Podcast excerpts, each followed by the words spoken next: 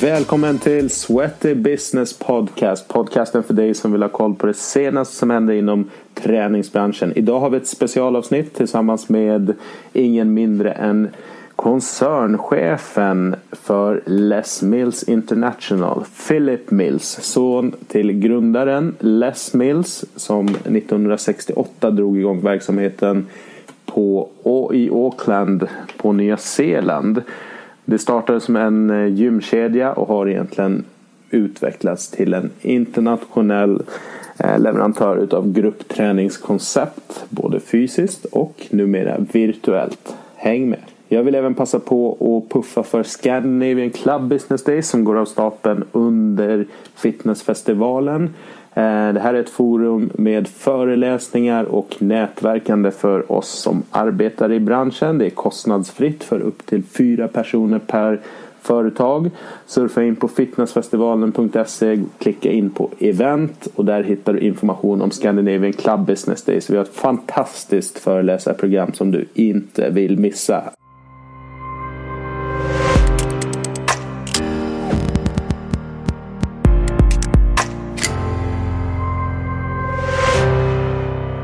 Inspiring and uh, in interesting, and a lot of things that obviously I've seen, but also some insights and uh, and also actual figures because I think there's a lot of trends that people are talking about, but yeah, I haven't seen so many actual figures and stats of how things are really going. So basically, kick off there. Just need to find my question sheet.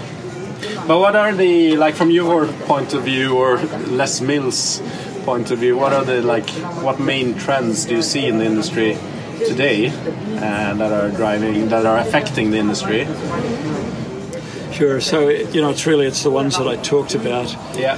Obviously, the low cost clubs have had a really big effect on the industry, and uh, they've hurt a lot of the traditional clubs. But ultimately, what they're doing is making the traditional clubs do a better job. Yeah. You know, either that or they're making them go out of business, and somebody is buying them who is doing a better job.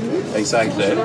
And uh, so, so it's it's good. You know, it's you could you could almost build anything and call it a club for about 20 years yeah. and do okay with it. But um, but you know, with the low cost clubs, then people, the public, have really started to question. Okay, well, know, why should I pay fifty dollars? You know, why shouldn't I pay fifteen dollars? Yeah. And and so it's forcing people to do a good job if they want to charge more money and if they want to succeed, Yeah. which is good. And and we're seeing that people will pay for it. Obviously, at the other end, people are paying a lot of money for the boutiques. So the boutiques are le- leading a lot of the, the real innovation. Mm. And I think that it's like the clothing business, where, you know, in, up until like the 1970s, the department stores dominated the clothing Yeah. business. And then the clothing boutiques in the 70s and the 80s, they really killed the, the Yeah. department stores. But now it's come back. Then the department stores started putting boutiques inside, and I think that's what's going to start to happen now in the traditional clubs. Yeah. You're going to see them doing a better job and putting boutiques inside and creating more experiential, better experiences. Yeah. Otherwise, people are just going to say, "No, I'm not going to go to you. I'm going to pay ten dollars or fifteen dollars a month, and I'm going to just pay to use a room full of equipment." Great. But uh, digging into the boutique uh, trend or whatever we're going to call it, uh, what do you think they have done um, really good that has made some of them succeed? Because not all of them are successful, as you uh, pointed out in your Yeah, presentation. it's a hard business, you know, when you just run one activity in one small box. It's, it's hard to be successful. I think that um, they have created some really cool activities. So some of the workouts that you're seeing, like at Barry's Boot Camp or at Yeah. F45 or at the bike studios, um, uh, you know, the yoga studios, so many different wild, crazy types of yoga now. The, the boutiques are really innovating. They're really, really creating some great workouts for people. That's the best thing they've done. And um, they've brought back the idea of the rock star teacher because in the 80s, um, you know, the instructors you had some of the best dancers and actors and athletes taught. They taught aerobics, uh, Exactly. and it was a prestigious thing to do. Yeah. But uh, 20 years later, they were still getting paid twenty dollars, and uh, it was it was not so prestigious. So Yeah. I think you know the, the boutiques are bringing that back. If you've got a Soul Cycle class and you've got 60 people paying 35 dollars a head, you know you, Yeah. you're collecting two thousand dollars. Well, you can afford to pay your teacher hundred dollars or 150 dollars Yes. and uh, and that's encouraging a whole new breed of good young people to come back into um, to the industry. And I think that's what the traditional clubs have to do. Yeah. They've got to have bigger studios, and they've got to, uh, uh, you know, where you can get hundred people in a class, uh, and that then gives you the uh, the economies of scale to be able Yeah. to afford to pay some of the teachers well. It's difficult if you've got a studio which is only going to hold 20 people, then it's difficult to ever pay the teacher very well unless you're charging extra for it, which some clubs are doing. Yeah. Because I was uh, quite thrilled by the, the concept you were talking about big stadiums uh, Yes. in terms of big big clubs, I guess. Yes. Uh, and a lot of the boutiques are uh, actually focusing on quite small studios and getting as many people as possible into as small spaces as, as possible. Uh, What do you? How? Um, because you said bigger is better economically, basically in the in the end for traditional clubs. If it's free, If- then then you've got to have it be big. All right. It's not that the boutiques are really small. You know, you getting you're getting 60 people in a class Yeah. at, at Soul Cycle or Flywheel. Um, you know, all of the bike studios are doing 60 bikes. Some of them are doing even more. Uh, and uh, But they're very efficient with their with their space. Yeah, with this space, Barry's, you know, Barry's will have 20 treadmills, and you know you'll be able to fit 60 people into a class if, if, if you if you need to at Barry's, Orangetheory, some of those guys. So you know they they're figuring out ways to put 50, 60 people into a class, which is not small, um, just very space efficient. But if you're going to make it free, you really want to be able to get a lot of people in a class. Yeah. And if you can have a big studio which can fit 100 people, or you know, some of our studios fit 200 people in them, then you can really afford to pay a fantastic teacher. Yeah. Cool. And we were talking. You were talking about millennials and general Generation Z that's coming in, and that has a huge impact on the, the industry. What are what would you say are the main differences when uh, targeting them uh, compared to to like the traditional gym members that are already in the clubs? Yeah, well, the the style of, of in which fitness was delivered for the Boomer generation and for Gen X, uh, it was um, you know it was just a different style, and it was okay at the time, but it was quite a cheesy sort of a style, and. Uh, and the kids of this age, they just look at it and they they say, uh, you know, it's it's terrible. It's Yeah. something that our, that our mothers used to do. Um, we don't want to do that, and we, you know, we predicted that. We had a study, uh, Future of Fitness study, which we ran with Nielsen in 2008, where we talked to a lot of futurists Yeah. uh, you know, to a lot of people outside our industry, and they predicted. They said, uh, you know, ten years from now, the the next generation isn't going to want to do what happens in clubs now. It's uh, you know they're going to look back on that as being an, an anachronism, and Yeah. And it's. It's perfectly true. Two, in 2008, that study came out called "The Future of Fitness," which Yeah. which we did uh, with yeah, Nielsen did it as a big study. The New Zealand government paid for half of it, and we paid for half of it, and uh, it was about a half a million dollar study, and it just perfectly predicted that that the, the the new generations would not like the old style of fitness. Yeah. But you think it's a matter of choosing target group, or could you fit both of these target groups into the same concept? You can fit them both in, and, and you know, it's not perfectly different. You're going to have some uh, you're going to have some more old-fashioned millennials, Yeah. and you're going to have some more cutting-edge older people. Yeah. Um, you can dice the study differently. Reebok did a, an interesting study where they divided it into about 10 different groups of people based on based on what sort of fitness people they were, what their fitness tastes were, and that was a, another big study. I think they had,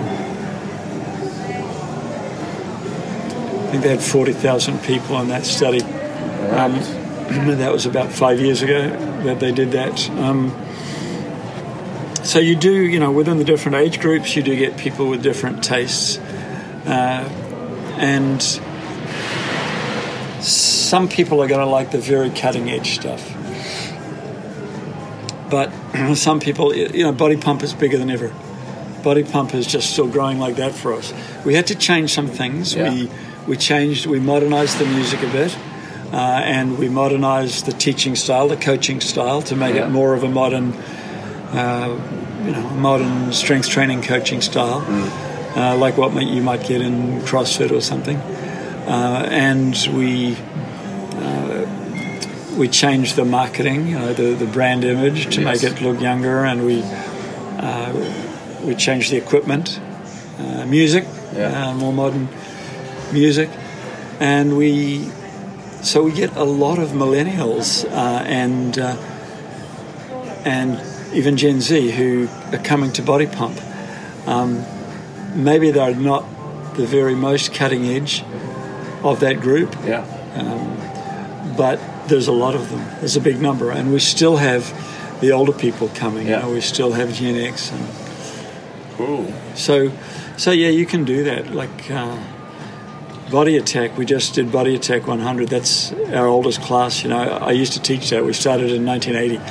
And uh, in fact, it wasn't 100. It would have been the 150th class. We changed the name of it when it got to the 50th class. Right. We changed the name to Body Attack, and that class, you know, it's it's one of the oldest classes in the world. 1980 it started, but it's still really popular. It runs in in 6,000 clubs Yeah. around the world, and uh, you just modernize it. You modernize the music, and you modernize the style of the exercises, but still, basically, it's know, it's almost the same class that it was in 1980.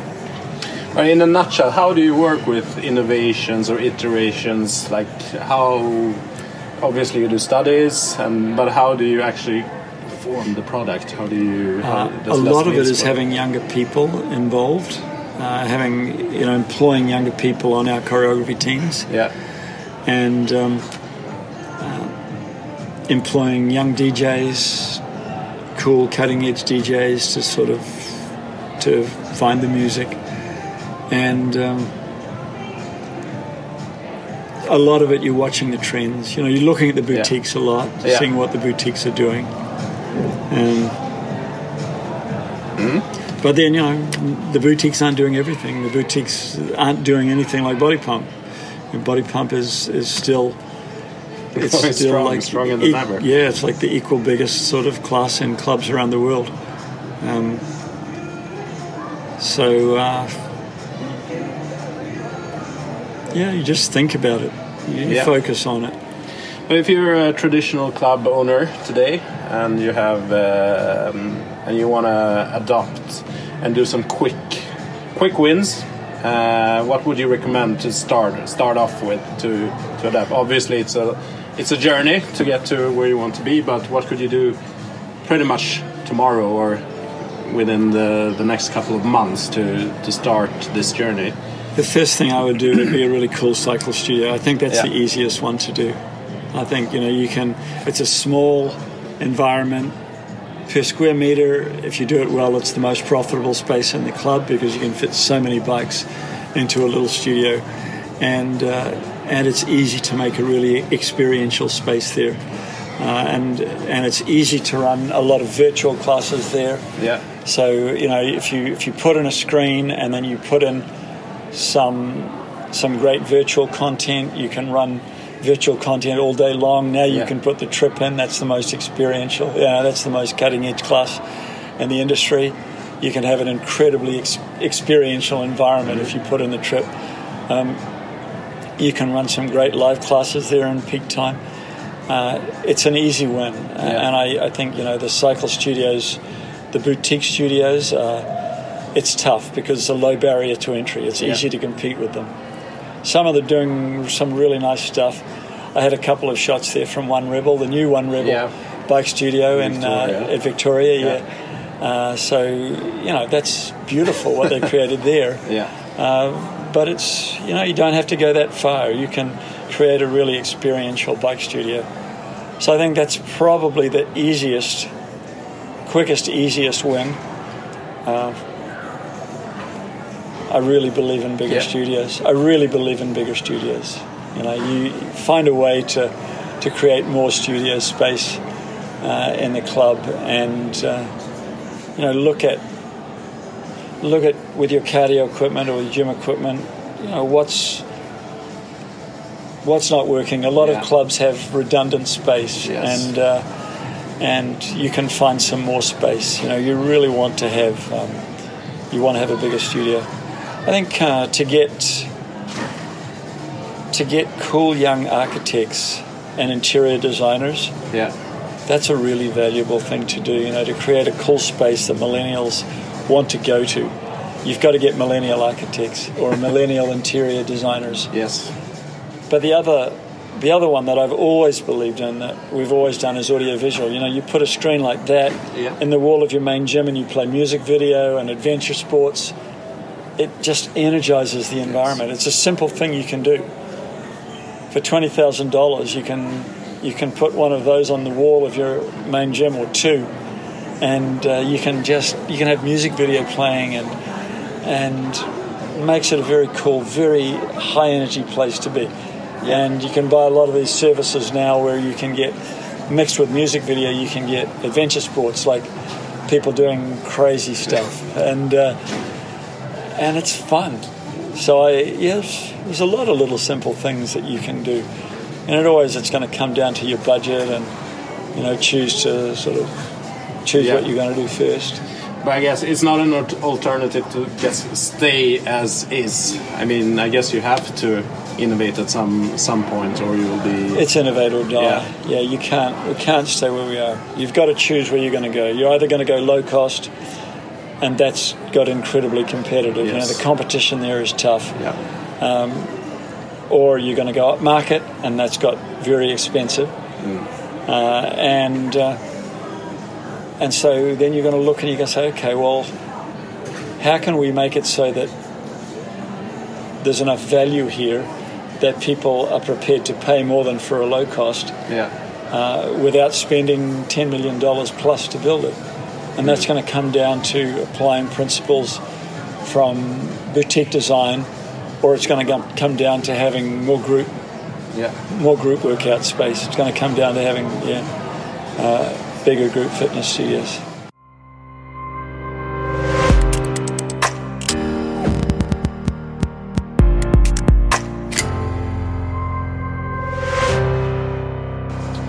Great. And um, what about virtual? There is um, there's a lot of talk, and I know uh, Les Mills is uh, really investing in in that Yes. uh, in that direction. Uh, what does it take to succeed with a virtual concept in a in a gym? What what do you need to have in place? You've got to have a great screen. You've got to have one of those. Um, the old projectors just don't cut it. you know, it, it always looks washed out. Yeah. and you can't have light in the room. You've got a duck in the room, which is a pain in the ass, and it's not nice. You know, it's like I don't mind going into a Barry's workout or into a flywheel workout Yeah. in the daytime in the dark for that reason, but really, I you know I like to work out in, in light, in natural light in the daytime. At night, yeah, I like a, a nightclub environment. That's cool, but I don't like to have to go into a darkened environment in the day. Uh, and uh, so you, you know you you with that you can just hang it on the wall. It looks beautiful. The resolution looks so much classier than it does on a projector screen. Definitely. And in the long term, it's cheaper because projectors, you're always having to replace the damn bulbs. They're really expensive. Um, so you do that and you run a fixed schedule. You never run on demand. Okay, you never you, you run a fixed a set schedule with something happening all the time. It'll never work if you make it on demand. Why not? Uh, because people are shy and they don't tend to go in and choose and put on something themselves, and Yeah. then somebody else might go in and choose something else. You know, Yeah. you just run it as a schedule, and Yeah. then oh, people, somebody, some other people are doing that. I'll go in there. People are shy about doing group exercise, uh, and that's one of the, the other big benefits of virtual is that they're using it as a stepping stone. In the beginning, we feared that it would cannibalize live group fitness, Yeah. but what it's done is it's really given it a shot in the arm. It's really boosted it. People are using it as a gateway. Yeah. They're going to virtual and then they're going to live.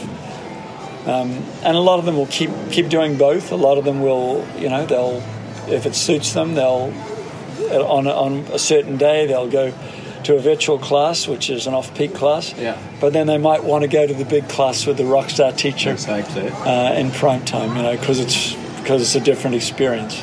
for sure. In terms of uh, technological uh, advancement, advancements, and uh, I mean, for instance, virtual reality, uh, augmented reality, do Yes. you think we will see that coming into the virtual, Yeah. or actually, or perhaps into the regular group fitness as well? I do. Uh, it's something that um, that you know we've been talking to those guys for a while now. Um, it's the the the VR headsets. Uh, It's it's like what Per said. The the VR headsets they won't handle sweat and movement yet, Yeah. but at some stage in the future when it's just like a pair of a pair of regular sunglasses Yeah. or something, then it's going to be very different. We're waiting for that to happen and sure, that's that's going to be another dimension, another level of fun and gamification and Cool. theme park uh, theme parkification or whatever you want to call it. Um, in your presentation, you gave what was that? Eight steps. The what eight- you call it? The, eight golden rules. Yeah, Eight golden of, rules. of group fitness management. Yeah. Yeah, and you actually mentioned uh, you were talking quite a bit around actually measuring stuff. Yeah. Uh, could you just elaborate on that and what Sure. you mean and why why is that important in Yeah. group, group X? Yeah, you know, normally people don't know, they don't have anything to benchmark against. So They don't know whether their Group X is good or it's bad. Most people think that their Group X is good, could be terrible, but they think it's good, you know, because Yeah. they only know what they know. And people fall in love with their own stuff. So when you measure it and you say, okay, well, here's reality. Our club has 500 group fitness attendances a week. And, uh, you know, the best clubs in our city have 2,500 you know, or 5,000 Yeah. attendances a week, then you have a, an objective measure of how good your group fitness is. Okay? Uh, so you, you measure everything and then you, you start to count all of your classes and then you can say, all right, these are our most popular teachers. Very often people just, they don't, they don't manage objectively. They say, well, Joe's always had that class. You know, you look, it's, it's the six o'clock on Tuesday class Yeah. and Joe has got 10 people. And, uh, and Susan at six o'clock on Wednesday has got 50 people, you know, and, and they don't make the change. When you look at it all on paper, you say, well, okay, hang on. I need to give Susan more classes. Yeah. Um, and I need to take Joe off the timetable. I need to retire Joe from the timetable. Or else I've got to tell Joe that Joe has got to do some work and get a lot better. Uh, at, uh, and um, you set a plan. You say, okay, we're going to, we got 500 now. Well, we're going to get to 2,500 within four years.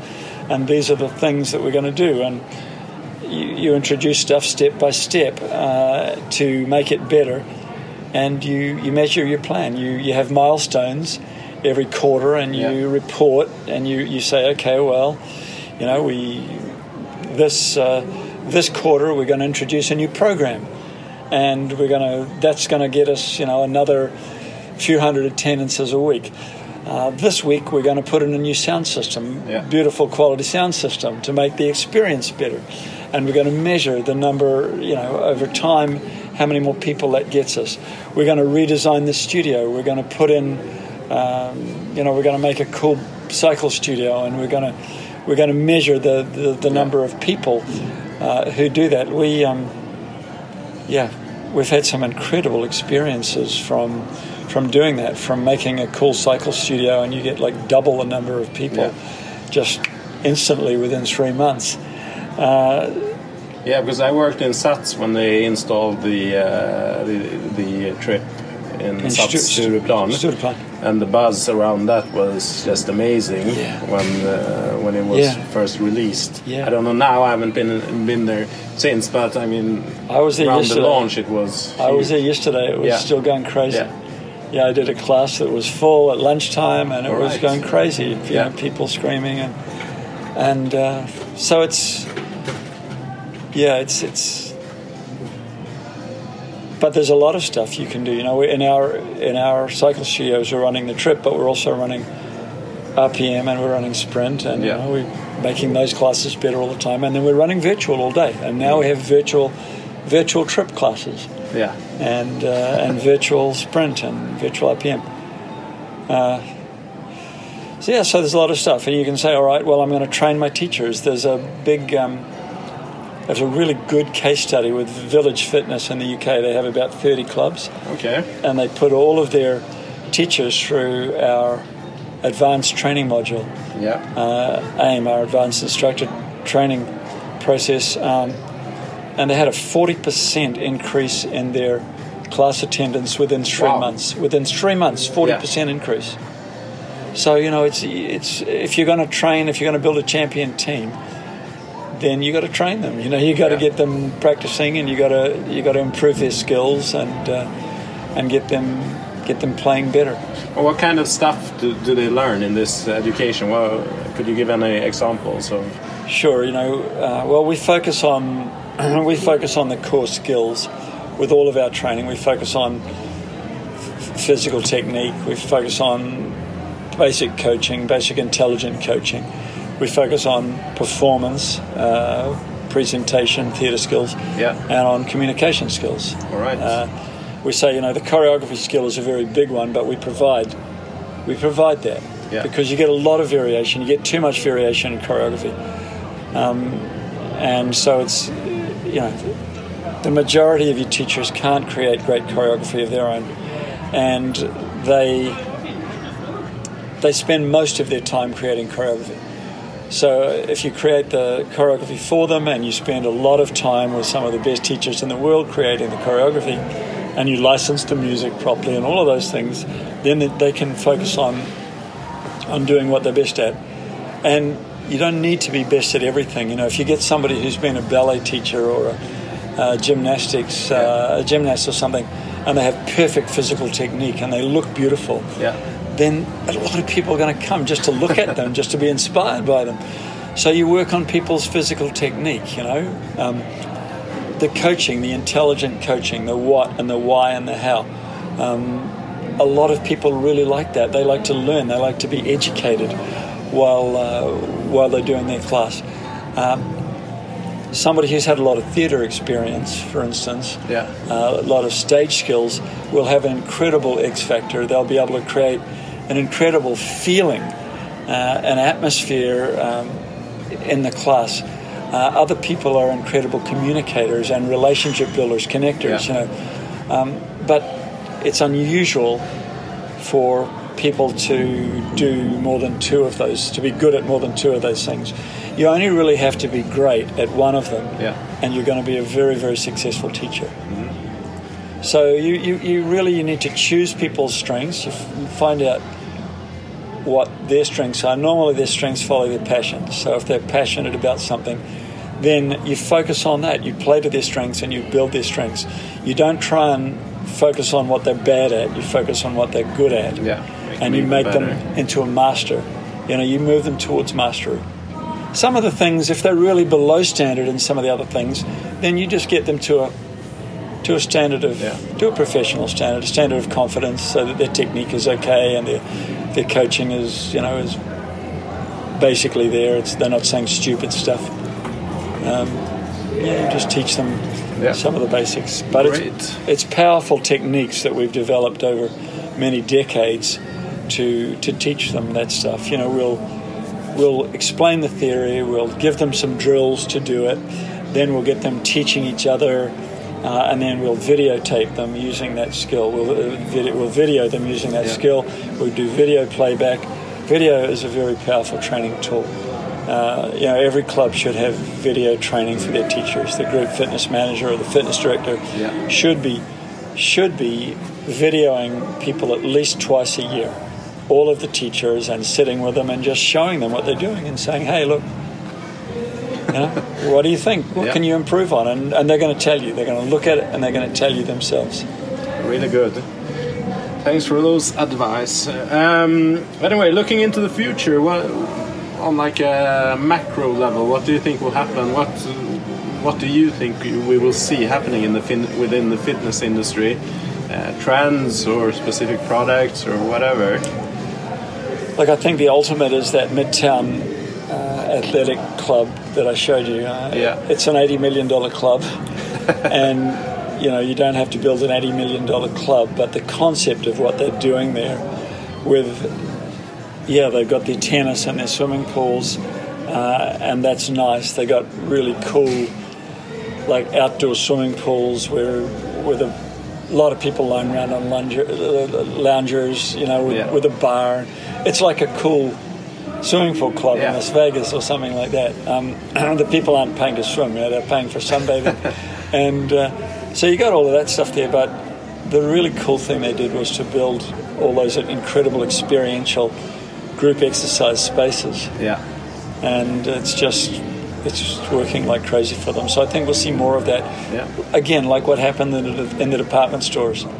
The department stores got their asses kicked by the boutiques, the, the clothing boutiques. But now you go to a, one of the big department stores around the world. You know they've got a lot of beautiful clothing boutique spaces. Yeah. You can go in there and it's nice because you can. You wouldn't go to one boutique because you can go into the department store and you can see all of the great designer labels you know, in, in little, little, their own little areas inside the, the, the department store. So I think we're going to see more of that. Cool. In terms of education, because you educate a lot of uh, Yes. instructors every every day, basically. Uh, in terms of digitalization, what do you, what what will we see there? Because the uh, the truth in the past was like we have to be there physically, Yes. instructing and discussing, etc. What, what is? I mean, you're a growing company. You're global. Yes. Uh, so I guess you going So digital is is a, We've added a digital component to Yeah. our training, but we still need to have people live, there live for as long as we can. Yeah. If you're going to really create transformation, it's like Anthony Robbins, you know? yeah. If you're going to have transformation, you have to get the people in the room and have them really working with the master trainers Yeah. to get that. But we we can give them a lot more training a lot more quickly now by virtue of the fact that we give them a lot of digital homework and the time then that they spend live in the room can be uh, can be much more spent much more valuable. Yeah. Perfect. All right, that was basically all I had. Uh, what do you see when you look at the Swedish market or Scandinavia? We're quite similar, though. What uh, what strikes you? The Swedish market in particular was a long way ahead. You know, they were one of the early markets in the world, and I think they did a really good job. Yeah, So I think that um, uh, you know groups like uh, like SAFE, uh, the old Swedish Aerobics Federation, did Yeah. a really good job of training teachers and of establishing high standards. yeah, And um,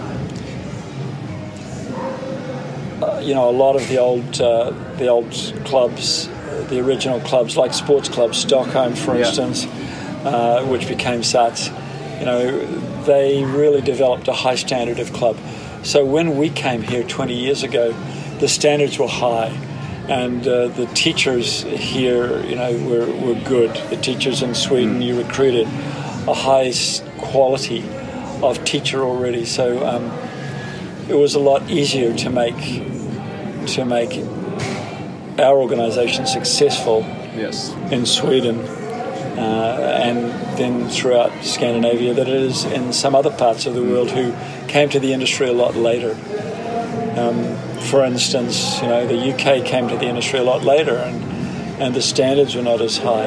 Yeah. Uh, we've had to work a lot harder in the UK to get high quality standard of teaching going. cool.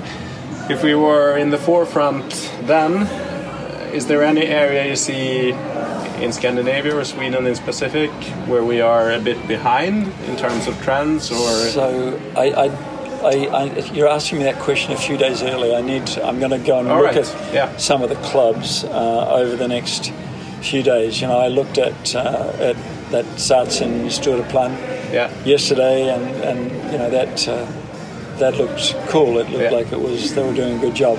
Um, I'm going to go and see some other new clubs and uh, see some of the boutiques, see what's happening here over Yeah. the next few days. So if you want to ask me again in a few days, I'll you Sure. where, where I see the strengths and weaknesses. all right thanks a lot Thank you.